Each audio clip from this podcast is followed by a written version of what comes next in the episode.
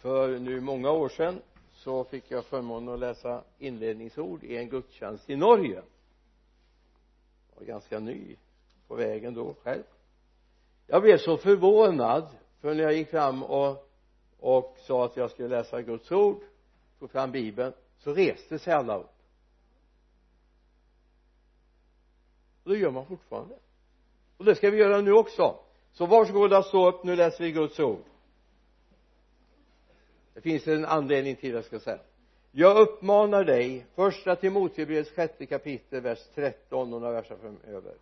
Jag uppmanar dig inför Gud som ger liv åt allt och inför Kristus Jesus som vittnade för Pontius Pilatus med den goda bekännelsen.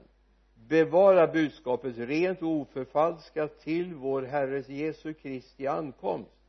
Som den salige ende härskaren ska låta oss få se när tiden är inne. Han är konungarnas kung och herrarnas herre. Han som enda, ensam är odödlig och bor i ett ljus dit ingen kan komma och som ingen människa har sett eller kan se. Honom tillhör äran och evig makt. Amen. Herre jag ber låt oss få sätta dig på tronen såsom konung och såsom herre i Jesu namn. Amen. Varsågod och sitt. Du får stå naturligtvis men eh, du kanske skymmer någon.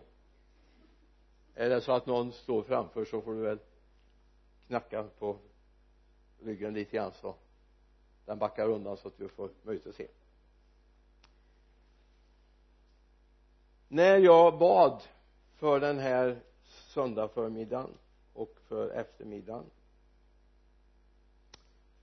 så kom det här Jesus är kung. Vad innebär det?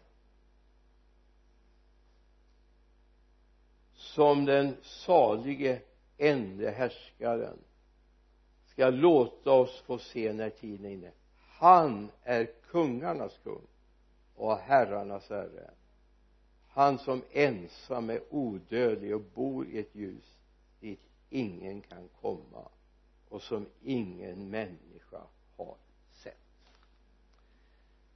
Att i Sverige tala om att vi har en kung. Och det har vi i Sverige och jag är väldigt tacksam för vårt kungahus. Verkligen. De är fina men eh, de har ingen konstitutionell makt de är bra representanter. Och dörröppnare för företag ute i världen så svenska företag kan göra affärer. Men de har ingen makt. Men det vi talar om idag det är en konung som har makt. Om vi går till psalm 24 de första två verserna. Det är av David en psalm jorden är Herrens med allt vad den rymmer. Världen med dem som bor i den.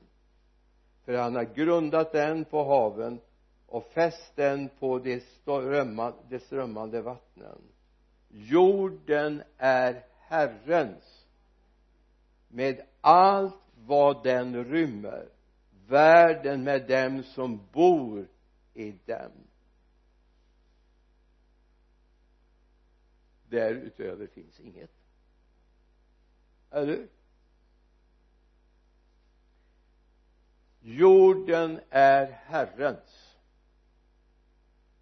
Och allt vad den rymmer och alla som bor där är hans verk. Och det här är viktigt. Vi har med oss när vi nu talar om en rättfärdig och rättvis konung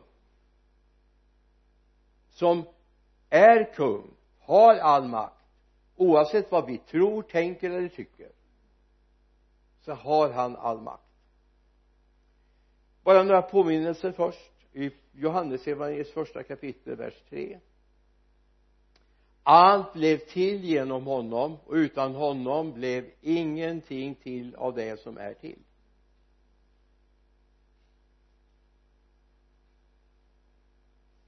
1980 hörde jag nog den märkligaste predikan jag har hört någonsin över den texten. Och på den märkligaste platsen där man sällan hör predikningar kungliga tennishallen i Stockholm. Där en förkunnare talade om att allt vilade på Jesus. Och då sa han så här om inte Jesus hade låtit något skapas så hade du inte haft någon bänk att sitta på vi hade inte haft något tak över oss. Till och med sa han om inte han hade låtit det ske så hade det inte funnits något trä att göra korset av heller. Han var till och med anledningen till att det fanns möjlighet att göra ett kors. Allt vilar i honom. Det kan vara väl värt att tänka. Bänken du sitter på har blivit till genom att han skapade. Mm. Så är det. Kläderna som du har klätt på dig har blivit till därför att han lät saker hända. Vi kan gå vidare så går vi till Kolosserbrevets första kapitel vers 15 så han är den osynlige gudens avbild förstfödd före allt skapat? För i honom skapas allt i himlen och på jorden synligt osynligt tronförstar och herradömen härskare och makter. Allt är skapat genom honom och till honom. Han är till för allt och allt hålls samman genom honom. För i honom skapades allt. Varför då? Han är kung. Han är till och med en skapande kung. Han har ett uppdrag. Därför finns du till. Och det finns ett mål med ditt liv. Du är skapad till honom. För att du ska ära, upphöja och prisa hans namn. Inte för att du ska producera så mycket eller vara så produktiv utan bara att du ska upphöja, ära och lovprisa honom. Därför är du skapad vi ska gå vidare. Och så tittar vi in i Hebreerbrevets första kapitel. De första verserna. I forna tider talade Gud många gånger och på många sätt till fäderna genom profeterna. Men nu i den sista tiden har han talat till oss genom sin son. Honom har han insatt som arvinge för allt och genom honom har han också skapat universum. Mm. det är inte riktigt vem som helst vi pratar om nu va? Och då lägger vi till första versen i psalm 24 igen. Jorden är Herren med allt vad den rymmer världen med dem som bor i den. Jorden är Herrens sen vet vi också att jorden är ockuperad just nu av den här världens krafter. Så det är inte bara så här att han har kommit och ockuperat något som någon annan ägde. Egentligen det finns ingen annan rättmätig ägare till någon människa än Gud fader och hans son Jesus Kristus finns ingen rättmätig ägare utöver honom. Du är hans. Oavsett vad du använder ditt liv till oavsett vilken väg du går och hur du tänker så är du hans egendom. Djupast in i dig står det tillhör Herren. Det står inte tillhör landstinget. Det står tillhör Herren. Och det är viktigt. Vi får tag i det här jorden är Herrens och allt vad den rymmer världen med den som bor i den.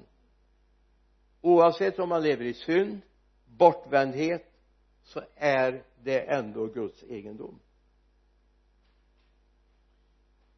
Så det här är grunden till att vi säger att Jesus ska vara kung. Han är en rättmätig kung. Det är hans rike det är hans människor det är hans skapelse det är hans. Han äger det och han har rätten till det. Så vi har med det.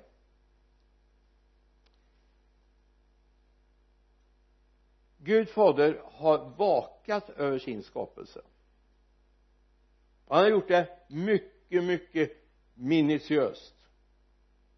Mycket mycket minutiöst det är till och med så att han uppreste ett folk som han kallar sitt egendomsfolk. Inte för att de var störst, bäst eller duktigast eller gudfruktigast utan han hade bestämt det. Han har bestämt det. Ibland så tänker vi så här att Gud är som vi människor att han kollar först vem som är mest rättfärdig vem som är mest gudfruktig och det gör inte alltid Gud utan Gud bestämmer det här folket ska jag näm eller sätta mitt namn på. Jag ska sätta min speciella stämpel på dem. Och det börjar med faktiskt en väldigt Jakob i gamla testamentet som får byta namn. Jakob betyder han som håller i hälen eller han som bedrar. Det var inget bra namn. Jag skulle inte vilja heta det nu hoppas jag att inte de som heter Jakob i vår tid. De tänker att det är de tänker på på aposteln ifrån nya testamentet va? Eh, Jakob. Men men eh, det, det är vad namnet betyder. Och så kommer Gud och säger att du ska få ett nytt namn. Du ska heta Israel. Vad betyder Israel då? Med dig verkar Gud. Med dig verkar Gud mm det var ju betydligt bättre än heta den som bedrar. Och så få heta med dig verkar Gud. Och det är faktiskt det namn som finns på Israel idag som folk med er verkar Gud. Sen är det inte alltid så att det är de besluten som tas i knässet. Inte alls. Men det är Guds längtan att med er ska Gud verka och det är viktigt att vi har med oss det Gud har bestämt att han själv ska vara kung över det här folket. Och är inte det folket bara för deras skull utan för alla folks skull. Den som välsignar ska han välsigna. De som förbannar dem ska han förbanna. Det är ju löfte som Abraham får en gång i tiden men samtidigt så är det här ett märkligt folk. För Gud vill men människor vill inte alltid. För Gud hade bestämt någonting om det här folket. Han skulle vara kung. De skulle inte ha några andra kungar. De skulle inte vara som alla andra folk. Det är precis som vi kristna vi ska inte vara som alla andra folk. Gud hade bestämt jag ska vara kung över det här folket. Det är jag som ska vara den ytterste som man alltid ska vända sig till. Man ska alltid gå ut till uppenbarelsetältet eller man ska alltid söka i hans helgedom efter råd. Det var Guds tanke. Men så när vi kommer till första Samuelsboken så ser vi att mm, det här var inte, det var inte folkets tanke precis som det är med Guds folk idag så sneglar man på hur andra gör. Man vågar inte vara speciell. Och så hör jag till och med människor vittna ja men jag är som alla andra. Det är bara att jag tror på Jesus också. Men tror man på Jesus så är man inte som alla andra. Det är liksom i sakens natur. Du behöver inte kolla vad världen gör kolla vad Jesus vill att du ska göra. Men det är betydligt svårare. Men då vi kommer i första Samuelsbokens tionde kapitel så kan vi gå till vers 17 Samuel kallade samman folket till Herren i Mispa.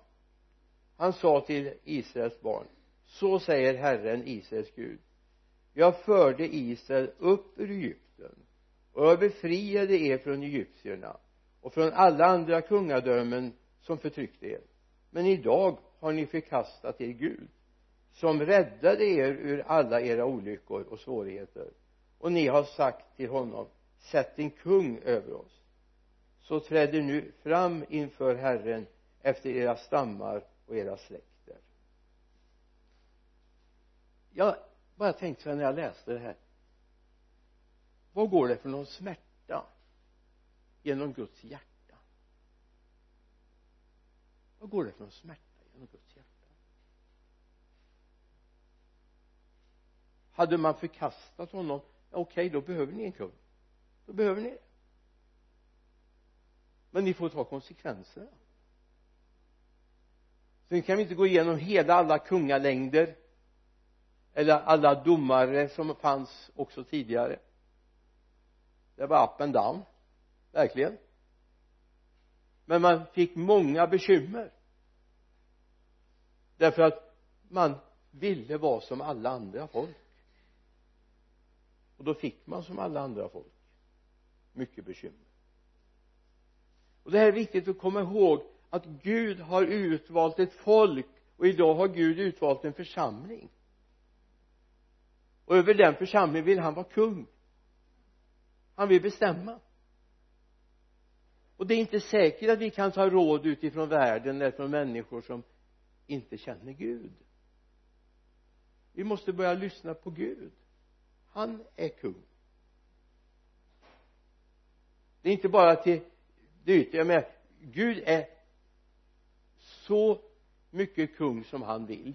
Det kan vi göra väldigt lite åt men vi kan bestämma om vi ska vara hans undersåtar eller ej. Det är ingen tvångs rekrytering till hans här. Men Gud är kung oavsett om inte någon människa lyssnar på honom eller ej. Han är kung. Han äger den här världen. Han äger varje människa. Fram till den här jorden född han äger varje, varje människa. Han har rätt till varje människas liv. Du har egentligen inte rätt till någonting. Det är bara liksom världens påhitt. Vi måste börja lita på vår kung. Jag vet att det här är tufft men det, det är så. Därför det finns ett underbart budskap i grunden. Jag vill ta hand om er. Jag är rädd om er. Ja han ser oss ju med som sin ögonsten. Han älskar oss. Han älskar oss så mycket så att när det höll på att gå alldeles galet så sände han sin egen son för att dö för oss. Han gav sitt liv för att rädda oss och föra oss tillbaka till gemenskap med Gud. Och det är viktigt vi ser det att han verkligen har gjort någonting för oss. Det är inte bara att han sa att han skulle göra han har bevisat att han älskar oss.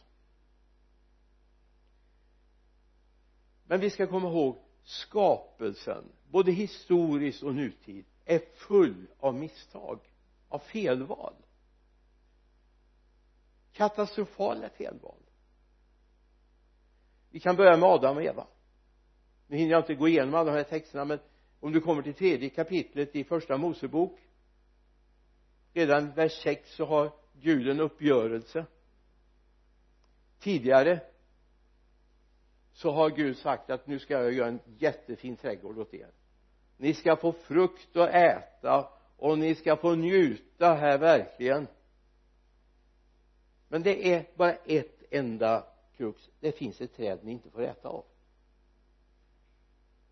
Det finns bara ett träd. Jag menar jag vet inte hur många hundra träd det fanns. Men det är märkligt. Just det trädet lurade ormen dem att äta av kan du se det fram alltså det här var ingen liten plätt. Det var inte som baksidan på baptistkyrkan här. Det var mycket större. En jättestor trädgård. Alltså det närmaste jag har varit i en sån trädgård det var något som heter blomstergården nere i Blekinge. Som är otroligt många hektar med alla världens grönska träd blommor. Om den nu finns kvar vet jag inte. Det var på 60-talet jag var 50-talet jag var där. Det var alltså man kunde se hur långt som helst. Det var skönhet. Det fanns någonting i Båstad också Båstads trädgårdar där hade man japanska och kinesiska trädgårdar och allt. Helt underbart.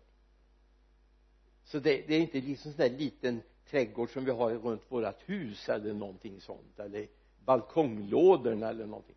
Utan här var det ymnigt. Och så var det ändå ett träd som Gud hade reserverat. Och det kan vara en undervisning för sig så småningom. Varför reserverar han just det trädet? Det fanns en tanke. Det var inte för att ställa en frestelse mitt i trädgården. Det var absolut inte. Det var inte för att göra det svårt för dem jag menar de hade några hundra träd till att ta av. Och det var frukt jämt. Jämt. Det var inte bara att man väntade på hösten och så kom frukten utan det fanns året om. Men just det fick man inte äta av. Och så gör man felval. Man väljer det.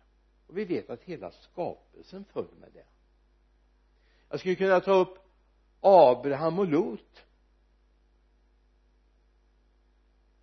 Det var ju Abraham som fått löftet om landet. Och han var snäll och tog med sig brorsåden Lot. Och så kom deras herdar lite grann osams om var de skulle beta någonstans.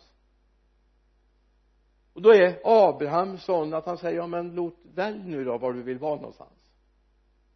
Jag är övertygad om att hade det varit idag så hade inte Lot valt det. Nej. Men han fick se Södland, Sörland vilken slätt. Åh vad ymnigt det växte där. Då sa Lot fader Abraham jag tar det där slätten där nere. Och Abraham drog sig upp i bergsbygden. Så småningom uppstår städerna Sodom och Gomorra där. De städerna blir så fulla av synd. Där bor Lot och hans familj mitt i den här syndanästen och då börjar man fundera varför då? Jo därför att det var ett felval. Abraham skulle ha valt. Det var han som hade löftet. Visst det, det ser ju väldigt ödmjukt och fint ut. Och, och ja men låt du har ju ingen pappa och jag får ju liksom ta hand om dig. Välj nu var du ska vara någonstans. Men det var ju Abraham som skulle ha valt. Felval där har vi döda havet idag. På det området. Vi skulle kunna plocka bit för bit om sådana här märkliga felval som har skett genom skapelsens historia. Det finns felval i vår tid också. Jag vet inte om du känner till det men det pågår ett myteri bland kristenheten. Man vill inte ha Jesus eller Gud som kung man vill ha sin egen kung. Man vill välja sina egna ledare. Som kanske inte alltid lyssnar uppåt. I ledarskapsutbildningar så lär man sig en sak och det är väldigt viktigt. Man ska lyssna på folket. Eller hur? Det är ju jättebra att man kan lyssna på folket och sen tar man beslut i ledarskap i den kristna miljön så är det viktigt att lyssna på kungen. Han har lyssnat på folket. Han har hört alla deras böner. Han har hört alla deras längtan. Och den är mycket mera reell. Så det är viktigt att vi lär oss att vi har en kung som faktiskt har ett intresse av vad vi gör eller inte gör. Hur du beslutar om dina dagar och stunder. Det finns en kung som är intresserad av det och det är viktigt vi ser. Gud vill vara kung. Så nu är det tid att vi insätter honom som fullvärdig kung i våra liv. Både som församling men också som individer. Skulle då inte Gud ha möjlighet att hjälpa er klentrogna skulle då inte Gud ha möjlighet? Jag menar titta här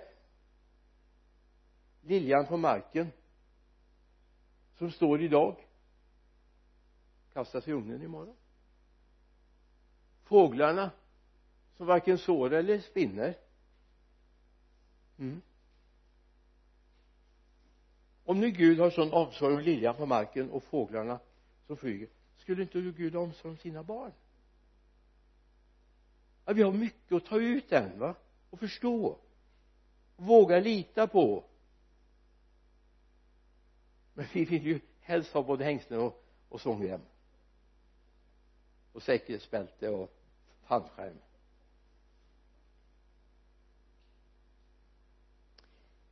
I flera liknelser, berättelser som Jesus har så nämner han någonting. I Lukas 19.12 kan vi ta ett exempel. En man av ädel börd reste till ett land långt bort för att bli kung och sedan komma tillbaka. Eh, egentligen, alltså jag tycker om eh, 2015 års översättning. Men lite svagt är det här. Eh, läser vi den grekiska texten så står det faktiskt för att få ett rike står det. För att få ett rike. Han reste bort för att få ett rike förmodligen där han fanns. Och läser vi andra äldre översättningar för att få konungslig värdighet. Men han skulle bli kung i alla fall. Mm. och då är det viktigt att se varför använder han här? Jo han talar om någon som ska åka bort för att få konungslig värdighet eller få ett rike. Vem är det? Mm. vem är det? Är det bara en sån där bild i tomma intet eller har han någon han syftar på? Jag går vi till Matteus 28, 18 så säger ju Jesus då i det här missionsbefallningens inledning då trädde Jesus fram och talade till dem och sa åt mig har getts makt all makt i himlen och på jorden. Vad är det en kung har? All makt. Nu talar vi alltså inte om representativa kungar. När vi talar om kungar enligt den här traditionen de hade all makt. De pekade med hela handen. De kunde verkligen göra det så frågan är är det han som är kung? Han har ju all makt naturligtvis. Vi läser ju det i, i de ord vi läste från början också i andra Timoteusbrevet. Han är herrarnas herre och kungarnas kung. Tror vi det? Har vi ställt oss under och sagt tack du bestämmer över mitt liv.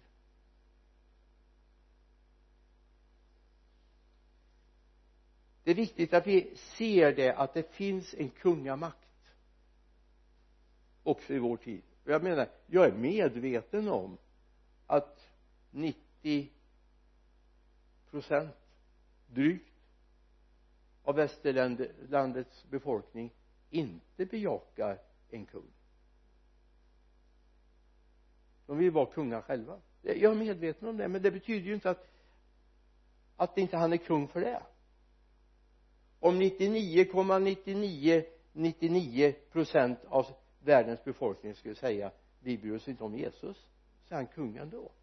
Och det kommer en slutpunkt då han kommer manifestera det nu tror jag inte det kommer bli 99,9999 procent som säger nej. Jag tror vi är i en tid nu när mängder av människor kommer säga ja. Och då är det viktigt att komma ihåg det är inte bara att man ska säga ja till frälsningsinbjudan.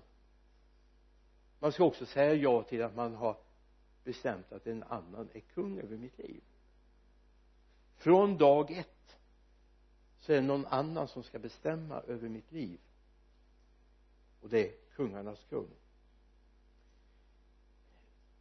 I gamla testamentet i andra mosebok så leder Gud sitt folk på ett väldigt påtagligt sätt. Jag är lite fascinerad av det. Det står månstod i gamla översättningar månpelare står det i vår översättning och eldspelare. Alltså när jag läser här i andra moseboks trettonde kapitel eh, så, så kände jag bara jag skulle vilja skrivit en rubrik över det. Guds närvaro. Guds närvaro. Är du medveten om att Gud är närvarande? Nära dig. Bryr sig om dig. Och vill vara över dig, i dig och med dig alltid. Och går vi till vers 21 där så står det Herren gick framför dem om dagen i en månpelare för att visa dem vägen och om natten i en eldspelare för att ge dem ljus. På så sätt kunde de vandra både dag och natt. Molnpelaren upphörde inte att gå framför folket på dagen och inte heller eldpelaren på natten. Guds närvaro går vi till Korinthierbrevet nu ska vi, hinner vi inte göra det så, så står det också om det här. Om hur Gud döpte dem i Mose står det. Och det var i havet och genom molnstoden den här molnstoden hade en viktig betydelse. I den stekande ökensolen så hade man skydd under molnet det var inte bara en liten molntussa här utan alla hundratusen fick plats under molnet. Och sen var det väldigt praktiskt ordnat. Alltså Gud hade inte tillgång till Facebook på den tiden. Och inte instagramkonto heller även om jag tror att det blivit många fina bilder har blivit till instagramkontot men de får vi drömma om istället. Eller hur? Men när de vandrar så helt plötsligt sänker sig molnet eller eldpelaren sänker sig. Vad händer? Jo här ska ni slå läger. Här ska ni vara nu en tag. Och ibland tänker vi säga att det är en sån här 14 dagars resa de gör men det var inte det, det var 40 år de höll på. Ja har du gjort en 40 års resa någon gång? Lämnat hemmet och så aldrig kommit tillbaka? Och gått runt ute i en öken? Jag undrar var de har köpt kläderna? Och skorna? De höll. Alltså jag, jag bara tycker jag ser sådana här detaljer som gör vilken omsorg Gud har. Vilken omsorg Gud har. Vilken omsorg de behöver inte gå till skoaffären och köpa nya skor fast de vandrade i 40 år. Och de slet inte ut kläderna heller. Och så helt plötsligt en dag så ser de hur molnet höjer sig. Då tänker de nu packar vi ihop prylarna för nu ska vi gå. Guds närvaro. Men det är när vi sätter honom som kung. Sen vet vi att det finns de som gör myteri. De vill gå emot Mose.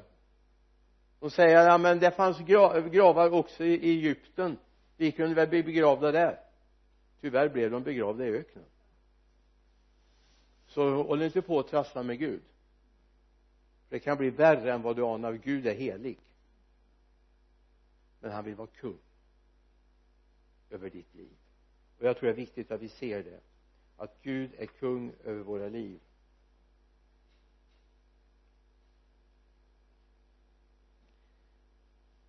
I Filipperbrevets fjärde kapitel egentligen vers 7 men jag vill läsa vers 6 också. Bekymra er inte för något utan låt Gud få veta alla era önskningar genom bön och åkallan med tacksägelse då skall Guds frid som övergår allt förstånd bevara era hjärtan och era tankar i Kristus Jesus. Om du säger så här ja men jag har sådana bekymmer det är ingen som förstår det. Jo Gud förstår det. När jag har sådana bekymmer så kan jag ju inte tacka Gud. Kan du inte? Du lever. Du finns till. Eller hur? Ja men man kan inte tacka för allt att grannen slog mig kan jag inte tacka Gud för. Men jag ber om välsignelse för grannen eller hur? Men när vi kommer in i detta att vi släpper och lägger bekymren hos Gud då ska vi få upptäcka att Gud tar över och bevarar våra hjärtan och våra tankar i Kristus Jesus. Jag vet vad jag pratar om. Och det här har vi mött ett antal gånger. Att våga lägga över bekymren på honom. Och så är vi kvar under månpelaren där har vi ett liv med beskydd. Den brännande ökensolen bränner oss inte. Och han för oss också där jag får äta och dricka. Han har omsorg om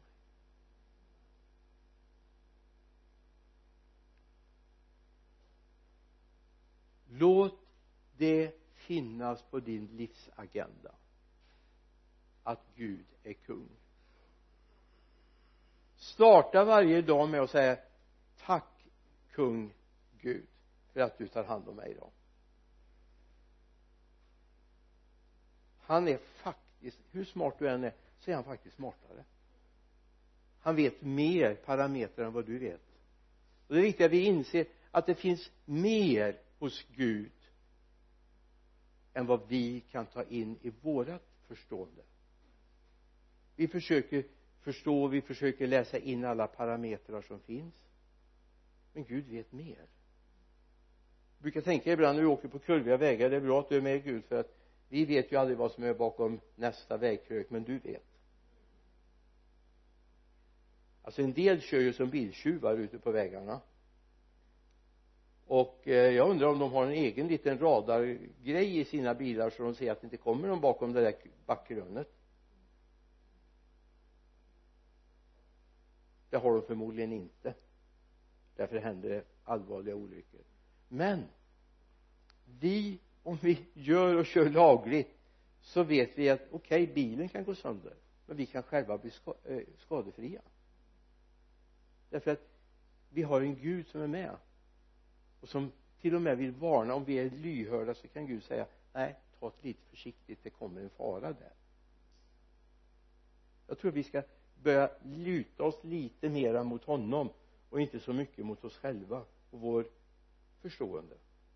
Vilket det gäller hem, boende, arbete, grannar, familj och så vidare. Våga luta dig mot Gud. Han är kung han har rätten till och med bestämma över ditt liv över våra liv. Och det blir inte dåligt. Det är inte ett ständigt lidande han för oss in i. Utan det blir mycket tack och lov. Mycket lovprisning. Jag hade tänkt köra upp en litet videoklipp där men jag ska inte göra det nu. Jag är inte så säker på att det hade funkat så här bra. Det är Salberg. Karl-Erik Salberg som berättar om några dråpliga episoder framförallt när de var ute på Sergels torg. Hur Gud när de hade sin morgonsamling som de alltid hade innan informerade väldigt tydligt genom en profet de hade ibland sig om att idag ska ni vara förberedda på det här. Och ni ska ha med er det här. Ja men det brukar vi aldrig ha. Nej men gud vi ska inte ha extra skor med oss idag vi, vi, vi har ju inget skollager. Så öppnar Gud ögonen på Karl-Erik så ser han vad som fanns under hatthyllan där. De behöver ni inte nu. Och så gick de åt. Alltså det finns en detaljrikedom hos Gud som vi sällan förstår. Men vi behöver få testa det. Gud har omsorg om oss. Han är kung och det är inte bara liksom till ytan utan han är det verkligen. I Matteus 6 det, det vers 33 vi landar vi ofta i men jag skulle vilja ta det till vers 24 ingen kan tjäna två herrar. Antingen kommer han hata den ene och älska den andra eller hålla fast vid den ene och förakta den andra ni kan inte tjäna både Gud och mammon. Och ska jag säga på en gång parentes mammon det är penningguden. Penningguden. Som oerhört många inte minst svenskar följer. Penningguden. Har man tjänat lite mer ja, då vill man tjäna ännu mer. Har man fått ännu mer så måste man ännu mer. Tyvärr har många av de här trasiga börsar också det rinner väldigt fort ur. Det är liksom det är mycket inkomster men det åker ut väldigt mycket också. Det är mammonguden. Därför säger jag, så det i vers 25 bekymra inte för ert liv vad ni ska äta eller dricka eller för er kropp vad ni ska klä er med. Är inte livet mer än maten och kroppen mer än kläderna? Se på himlens fåglar. De sår inte, de skördar inte samlar inte i lador och ändå föder i himmelske fader dem. Är inte ni värda mycket mer än det? Vem av er kan med sitt bekymmer lägga en enda an till sin livslängd? Vad vis det här är. Jag skulle vilja rekommendera dig att faktiskt ta en stund och läsa sjätte, sjätte kapitlet i Matteusevangeliet. Det har så mycket att säga dig det har så mycket att säga dig. Ända ifrån fader vår och hela vägen igenom. Eller vår fader kanske det står nu.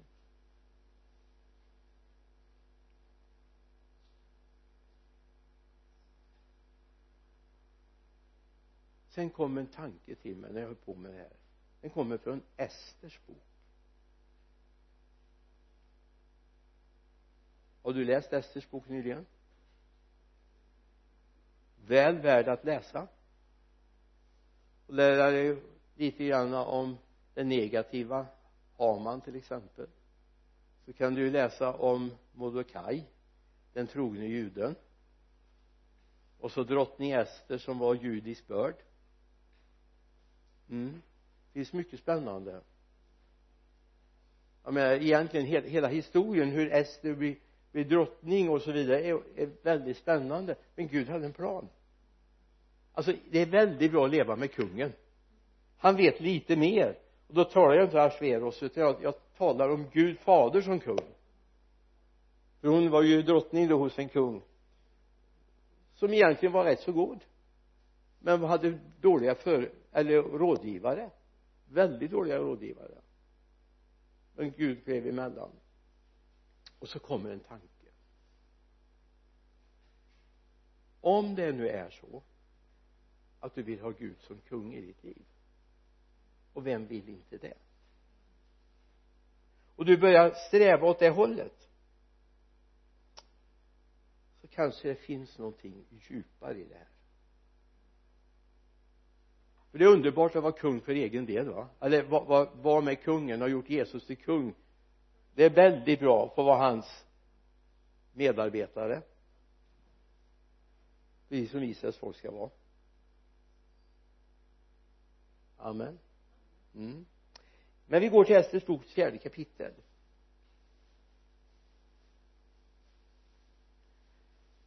Så var det ju så här att drottning Ester det, det var så att det var ett ett anfall eller ett försåt riggat mot det hebreiska folket mot judafolket. Det var ett försåt. Haman ville utplåna alla av judisk börd det var hans plan det är nästan som man känner igen det. Problemet var att det fanns ingen Mordecai och det fanns ingen Ester just då. Jag tänker andra världskriget och judeutrotningen. Men här var det på väg att bli ett liknande situation. Det var likadant i Egypten tidigare och så vidare men här fanns en Ester.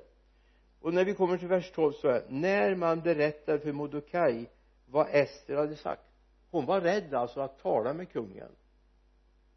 Om kungen sträckte ut sin spira så fick man tala. Men han kunde lagt spiran på tvärs över bröstet. Då hade man bara haft någon dag till att leva. Även trots att hon var drottning så hade hon inte tillträde till kungen. Vad galet det kan vara va? Ja men eh, och hon var jätterädd och hade då hälsat till Mordecai som försökte rädda folket. Att nej men det här kan jag inte göra. Tänk om jag mitt liv går till spillo då. Och då säger Mordecai att man ska ge Ester svar. Tro inte att du ensam av alla judar ska komma undan för att du är i kungens hus för om du tiger denna gång kommer hjälp och befrielse till judarna från annat håll men du och hans fars hus kommer att gå under. Vem vet? Kanske är det just för den här för en tid som denna som du har uppnått konungslig värdighet. Lyssna. Om du tar Gud på allvar sätter honom som kung över ditt liv älskar honom av hela ditt hjärta. Så har du ett uppdrag. Du kan inte bara njuta och säga man wow Gud tar hand om mig. Då har du ett ansvar för dem av ditt folk. Då måste du be för ditt folk. Din familj, din släkt dina grannar, dina arbetskamrater övriga i stan, samhället där du bor du har ett ansvar. Kanske du har fått den här platsen att ha Gud som kung över ditt liv som ett ansvar. Vi som har satt Gud som konung vi har ett ansvar. Därför berättar vi för människor du är egentligen Guds egendom. Gud vill ha tillbaka dig. Gud har älskat dig visst skulle vi kunna säga vi skulle kunna säga med sanning att om du inte gör upp din sak med Gud idag så kanske du hamnar i helvetet imorgon. Så krasst kan det vara. Men det är ingen bra metod. Det är mycket bättre att tala om Gud har ett ärende till dig. Gud vill att du också ska vara med på festen som vi talar om på söndagskvällarna nu där nere i Skräckland Gud vill också att du ska vara med. Gud vill också att du ska nås av budskapet. Men du har ett ärende. Du har satt honom som kung över ditt liv. Det är han som bestämmer. Och har du inte gjort det så är det tid att göra det nu.